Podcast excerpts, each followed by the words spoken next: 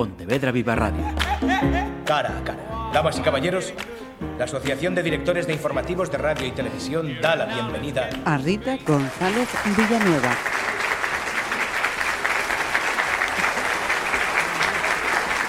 Saludos. Eh, proponemos en este cara a cara mirar a nuestras costas. Y lo vamos a hacer junto a Rita González Villanueva, que es investigadora y profesora del Centro de Investigaciones eh, Mariñas de la Universidad de Vigo, eh, que colabora, en el caso que vamos a tratar con el FECIT, con el proyecto Centinelas de la Costa. Así que lo primero de todo, Rita, bienvenida y gracias por hacernos hueco en tu agenda, que tengo entendido que es verano, pero está muy llena. Muchas gracias. No, gracias a vosotros por vuestro interés. Mira, encantada de estar aquí. Eh, el placer es nuestro, por supuesto, que, vamos a aprender muchas y buenas cosas. Explícanos para comenzar em, en qué consiste este proyecto y desde cuándo está operativo, Rita. Bueno, realmente el proyecto de Centinelas de la Costa está operativo desde julio del año pasado, pero mm, tiene, por así decirlo, eh, un prólogo. Un prólogo, exactamente, que es el proyecto COSESNAP internacional que ya nació en el 2017 por un grupo de investigadores de la Universidad de Sydney en Australia y que nosotros nos incorporamos a él en el 2018. Este proyecto COSESNAP viene a ser, por así decirlo, el aprovechamiento de las imágenes que la gente puede sacar en la costa y en la cual se vea pues la línea de agua. Hoy en día casi todo el mundo no tiene un smartphone y te gusta pasear por la playa, aquí no, y sacar fotos. Bueno, eso ya lo más. y entonces las suben a redes sociales y Mitch Harley, el de Australia, dijo por qué no aprovechar estas imágenes y poder sacar de ella pues la posición de la línea de costa. Entonces, eh, mediante la instalación de unas bases fijas desde cerca de la costa con una perspectiva que se vea lateralmente la costa, decidieron eh, colocarlas y que la gente pueda al pasear apoyar su teléfono y compartir las fotografías.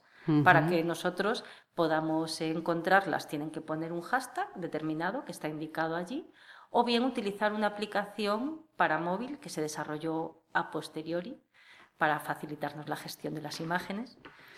Y nosotros podemos de esas imágenes sacar pues una línea de costa en un momento determinado. Y al tener muchas líneas de costa, lo que podemos hacer es conocer qué cambios ocurren en la playa, en qué situación está esa playa, se está erosionando, está ganando, se está recuperando después de un temporal, o incluso otro tipo de información como número de personas o, eh, la capacidad de carga que tiene esa playa, si hay arribazones de algas, u otro tipo de información derivada.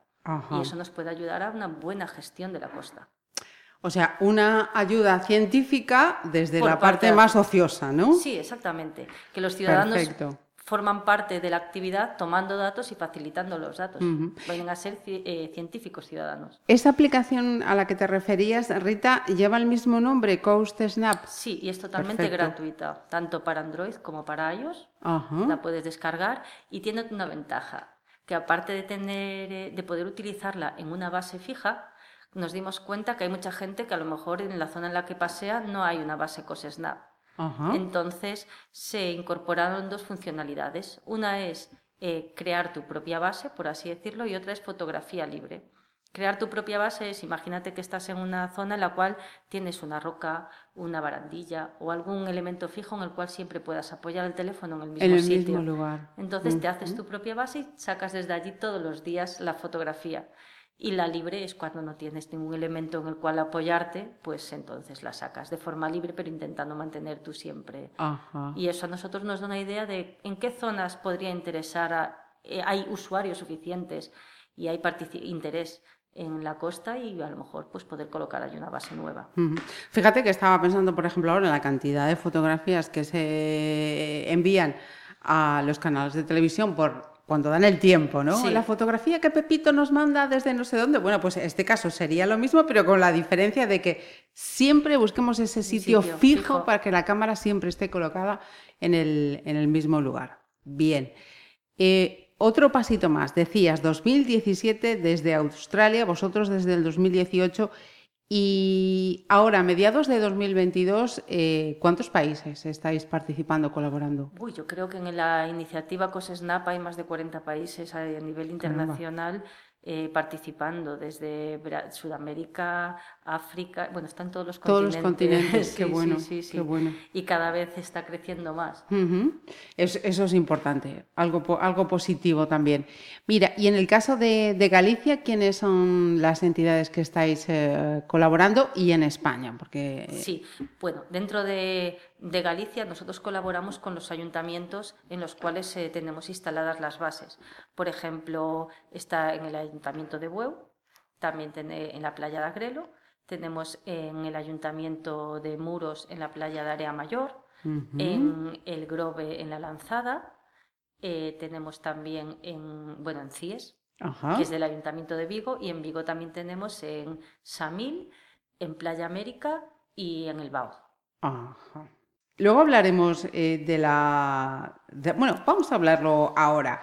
Eh, nos has citado uno de los concellos BUEU porque me decías antes de abrir los micrófonos que este verano en Galicia va a ser el único lugar donde va a haber ocasión de formarse, ¿no? Sí, exactamente. Nosotros cuando empezamos con la con Centinelas de la Costa, que es un proyecto coordinado que está la Universidad de Cádiz, el SOCIP de Baleares y el ICM de Barcelona, aparte de poder conseguir financiación para poder mantener lo que es la gestión de la aplicación de COSESNAP y una persona para que nos ayudara a procesar la ingesta cantidad de información y sacar datos realmente cuantitativos, también decidimos realizar una prueba piloto, por así decirlo, con una nueva aplicación, que es la aplicación Centinelas de la Costa. Esta aplicación, porque vimos que es muy interesante tener información sobre la línea de costa, pero había ayuntamientos que tenían otro tipo de intereses, como por ejemplo controlar las arribazones eh, costeras o de algas a la costa, como si hay algún tipo de vertido tóxico, eh, presencias de basuras y luego pues otro tipo de información que a nosotros también nos puede ser útil, que es cómo rompen las olas, qué tipo de perfil de playa encuentras, es más tendido, más inclinado, tienes dunas, no tienes dunas, qué morfologías puede haber presentes en la playa. Entonces, decidimos realizar una nueva aplicación que es como si fuera una especie de formulario muy sencillo con unos iconos que la gente cliquea y va dando, ah, pues veo esto, pues no veo, y ah. genera un informe que a ah. nosotros nos llegaría. Entonces, en esto eh, como va a ser una prueba piloto en estas cuatro, a través de estas cuatro instituciones, vamos a hacer cuatro grupos de voluntarios en diferentes zonas de España y esos eh, vamos a formarles, a decirles pues lo que es un perfil de playa, lo cómo rompe el oleaje, la diferencia entre las diferentes formas de rotura, las diferentes formas morfológicas, qué se considera un arribazón de algas, qué tipos de vertidos tóxicos pueden ser interesantes y probar durante un tiempo si esa aplicación realmente es útil, si necesita mejoras, si merece la pena implementarla a un nivel mayor y Mira, el grado de participación también. Una duda entonces que me surge ahora con esto que estamos charlando. Por una parte, podemos descargarnos esta aplicación del Coast Snap y sacar esa foto, y por otra nos descargamos la aplicación de Centinelas de la Costa. En ese caso, para participar en esta, yo que mañana pase por la playa X y tenga ese espacio, mm, ¿también puedo hacerlo o necesito hacer ese curso previo como el que Tiene un panelito de información en cada una de las cuestiones que si cliqueas en la I de información te explica lo que es el oleaje que rompe de forma oscilatoria, en forma de voluta, etcétera. Cada uno de los iconos va a estar explicado y acompañado de una fotografía para que después, si cualquier usuario se la quiere descargar, pueda por lo menos intuitivamente tener, una idea de lo que está visualizando y lo que se le está preguntando. Vale. Como podéis aprenderlo de forma presencial, este próximo viernes, el día. Ay, Dios mío, estaba mirando el calendario, ahora se me ha ido al viernes sábado, día 30 eh, ¿Dónde va a ser y a qué hora? Porque... En el Centro de Interpretación de Agrelo, en Bueu, a las 11 de la mañana. Uno llega allí y no, necesita... hay que inscribirse antes. Sí, en la web del Concello hay un formulario o te mando por teléfono. Perfecto, pues los vamos a adjuntar porque como esto lo vais a escuchar antes del sábado, si llegáis a tiempo y queréis participar, pues mira, una propuesta para, para el sábado. Y hablando de cambios en la, en la costa, Rita, mm, ¿estos cambios que se van produciendo eh, responden a causas naturales o el efecto, entre comillas, em, perjudicial del hombre está también incidiendo? Es una combinación de ambos. A ver, la costas realmente, aunque nosotros pensamos que eso es arena y está ahí muerto, son para mí elementos muy vivos y que responden muy rápidamente y de forma prácticamente automática a cualquier cambio a su alrededor. Desde el cambio de una marea a un cambio de oleaje, a una tormenta, un cambio en los vientos. Entonces, cualquier cambio va a tener influencia sobre ellos. Eh, obviamente una tormenta puede provocar una erosión, pero seguida de un verano de bonanza, la playa puede volver a recuperarse.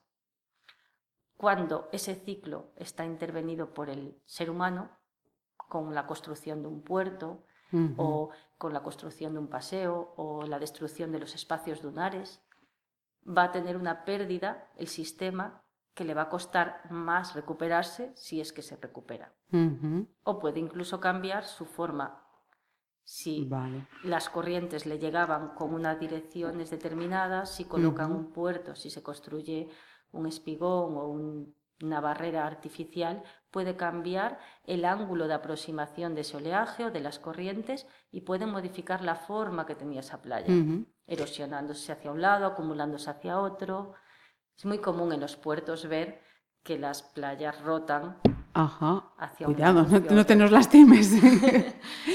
Fíjate que mm, me hablabas antes de, cómo los temporales, me decías 2013. Sí, el invierno de 2013, 14. Que fue, efectivamente. Ah, sí, sí. Casi toda la. Tengo ahora mismo algunas playas que casi desaparecieron. Bueno, desaparecieron. El arenal desapareció, se convirtieron en pedregales. Sí, exactamente. Hay zonas en las cuales incluso se registraron, no solo en España, sino a lo largo de Europa, retrocesos de hasta 20 metros en, sistemas dunares. Que eso es una barbaridad. Sí, sí, porque ten en cuenta que normalmente los sistemas dunares están fijados por la vegetación y la vegetación lo hace mucho más resistente a la erosión marina, a que las olas se lleven esa arena, la retiene. Ajá. Entonces, porque fue un invierno muy, muy duro. Muy duro. Y nos has hablado ah, antes de, cómo rompen las olas. Estaba yo pensando mientras decías, la próxima vez que vaya a la playa me voy a fijar mm, detenidamente cómo rompen las olas. Soy una ignorante.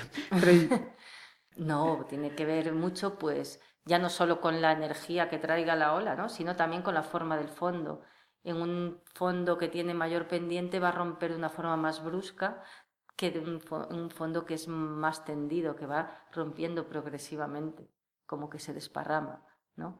Ah. O cuando ahí encuentras eh, por qué los surferos hacen surf en una playa determinada, porque hay unas barras normalmente sumergidas que provocan que esa ola rompa de esa forma determinada. Qué bueno es aprender. Con más motivo para fijarme el próximo, el próximo día. Y hablando de oleaje, he leído, tú me dirás eh, si lo ratificas o no, que las playas con mayor posibilidad de que aumenten el nivel medio eh, del mar son las de la cornisa atlántica. El nivel del mar, supongo que te referirás por el cambio climático. Ahora con la subida del nivel del mar y tal. Sí, hombre, la cornisa atlántica está en peligro, pero sobre todo yo creo que es más que eh, por la subida del nivel del mar, es porque está altamente construida.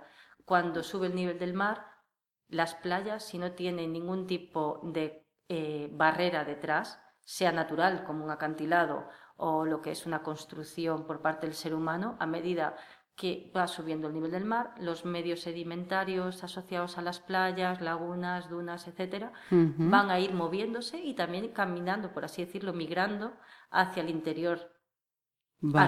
con lo cual no desaparecerían, simplemente se desplazarían hacia el interior. ¿Qué sucede? Que la gran mayoría de la costa, por aprovechamiento y por economía, está ocupada por el ser humano.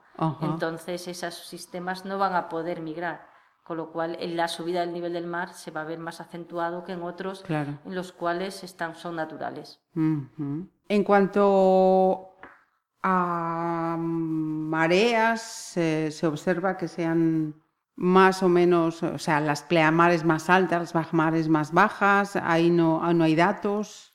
Realmente las mareas, como están más influenciadas por la, posición de la luna a la Tierra, no creo que, que sea un elemento determinante. un elemento determinante. Así como, por ejemplo, las tormentas y los eventos extremos sí que están aumentando, no en frecuencia, sino en intensidad. Cuando ocurren son mucho más agresivos, pero bueno, tanto las marinas como pueden ser las olas de calor o las lluvias, ¿no? Suelen ser más fuertes, de mayor intensidad. En las mareas, realmente el rango mareal más o menos estamos igual.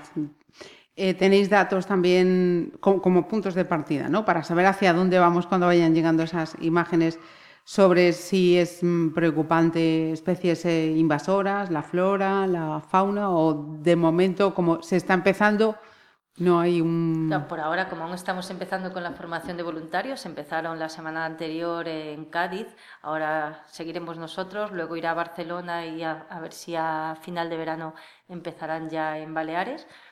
Eh, por ahora apenas tenemos aún todavía información pero sí que una de las cosas que nosotros también queremos concienciar a la gente con esta aplicación es el problema con los arribazones de algas, que los usuarios de la playa y cuando van a la playa y ven arribazones de algas piensan que es algo malo, que molesta, que eh, huele mal y que pica porque hay bichos. Pero realmente eh, son fundamentales para mantener eh, muchos ecosistemas y otros microorganismos que después van a servir para alimento y para y mantener la cadena trófica y tener los mariscos que tenemos y la pesca tan maravillosa que tenemos en esta zona, ¿no?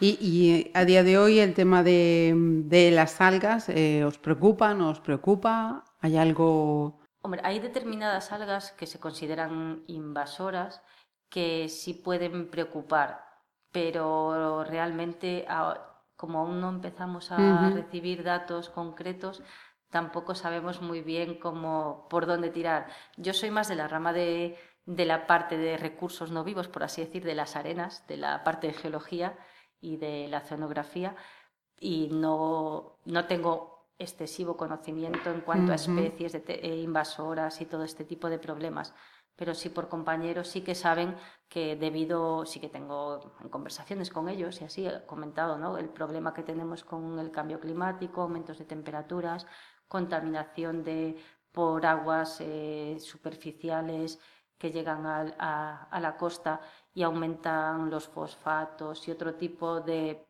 eh, de elementos en el agua que provocan una mayor, eh, mayor número de biotoxinas es decir, más mareas rojas y más vedas, lo que al final acaba influenciando pues, en los sectores pesqueros y marisqueros. Vale, o sea que entonces con esto que me acabas de decir eh, puedo entender que los que llamamos mareas rojas eh, son y van a ser más frecuentes. Parece ser que sí.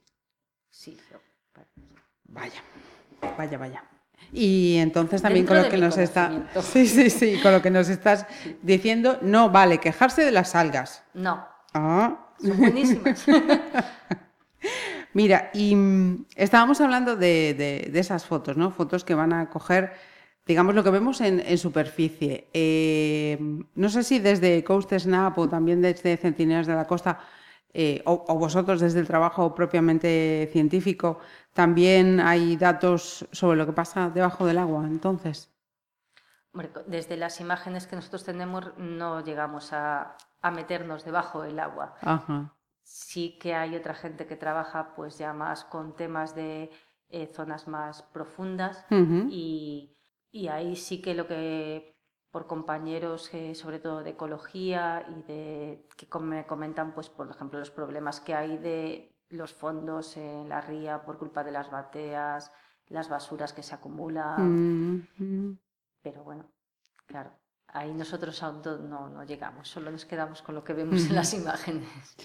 Mm, aprovechamos entonces para, ya que estamos en verano y hacemos un uso muchísimo mayor de nuestras costas, que por favor seamos respetuosos, ¿no? Sí, sobre todo con el tema de las basuras porque se acumula muchísima basura en las playas que luego, claro, las olas las llevan las para un lado, para otro y realmente es una pena, la de, sobre todo plásticos que tardan tanto tiempo en degradarse y que afectan no solamente estéticamente, sino también a muchos organismos. Me decías, eh, lo tuyo son la, arena de, la playa. Te pregunto, mm, porque hay las personas que vienen a, disfrutar de, de, Galicia, se acercan a la costa y dicen, es que es maravillosa lo finita, lo finita que es la arena. Eh, finita, la arena de Galicia hay sí, sí, sí, sí. Hay arenas más gruesas y arenas más finas. Sí, sí, las hay.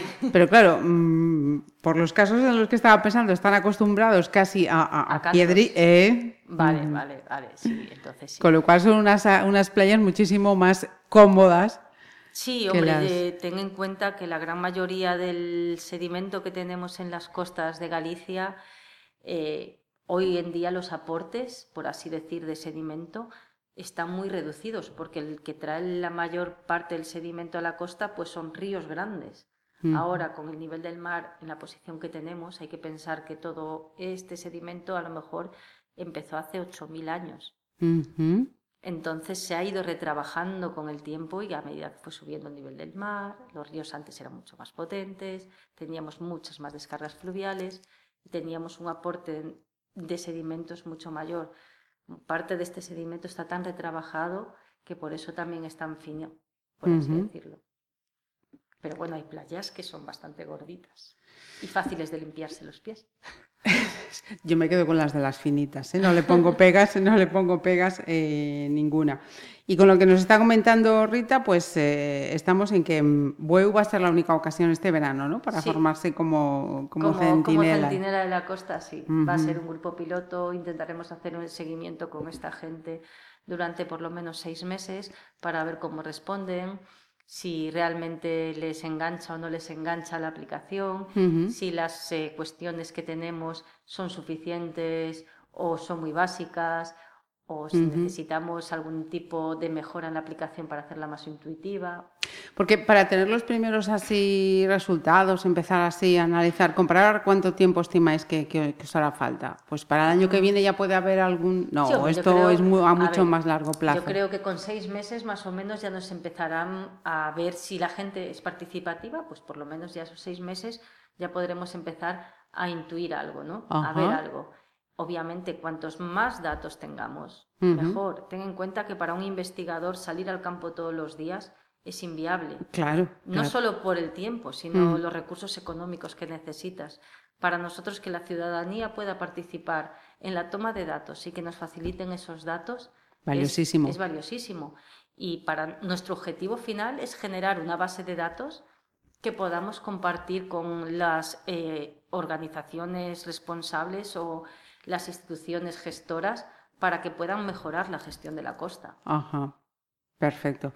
Oye, pues eh, ¿qué nos cuesta? Si sois tan aficionados, somos tan aficionados a sacarnos ahí el selfie, pues ponemos eh, nuestros telefonitos en esas zonas marcaditas, eh, sacamos, nosotros nos apartamos y sacamos la playa, que es lo que nos interesa. Y bueno, oye, pues mm, el verano que viene te podemos eh, volver a llamar y nos cuentas a ver, qué, cómo, va esto, ¿no? Por supuesto. Pues de momento, Rita González, muchísimas gracias por acompañarnos. Y gracias a vosotros y ojalá la gente se anime y participe. Ojalá que sí, deberíamos. Sí. Pontevedra Viva Radio. ¿Me permiten que les haga un comentario como espectadores del programa Cara a Cara? Según un reciente sondeo de mercado, Ustedes disponen de estudios e inteligencias superiores a la media. Sus intereses abarcan desde la actualidad mundial y la ciencia hasta el deporte y los espectáculos.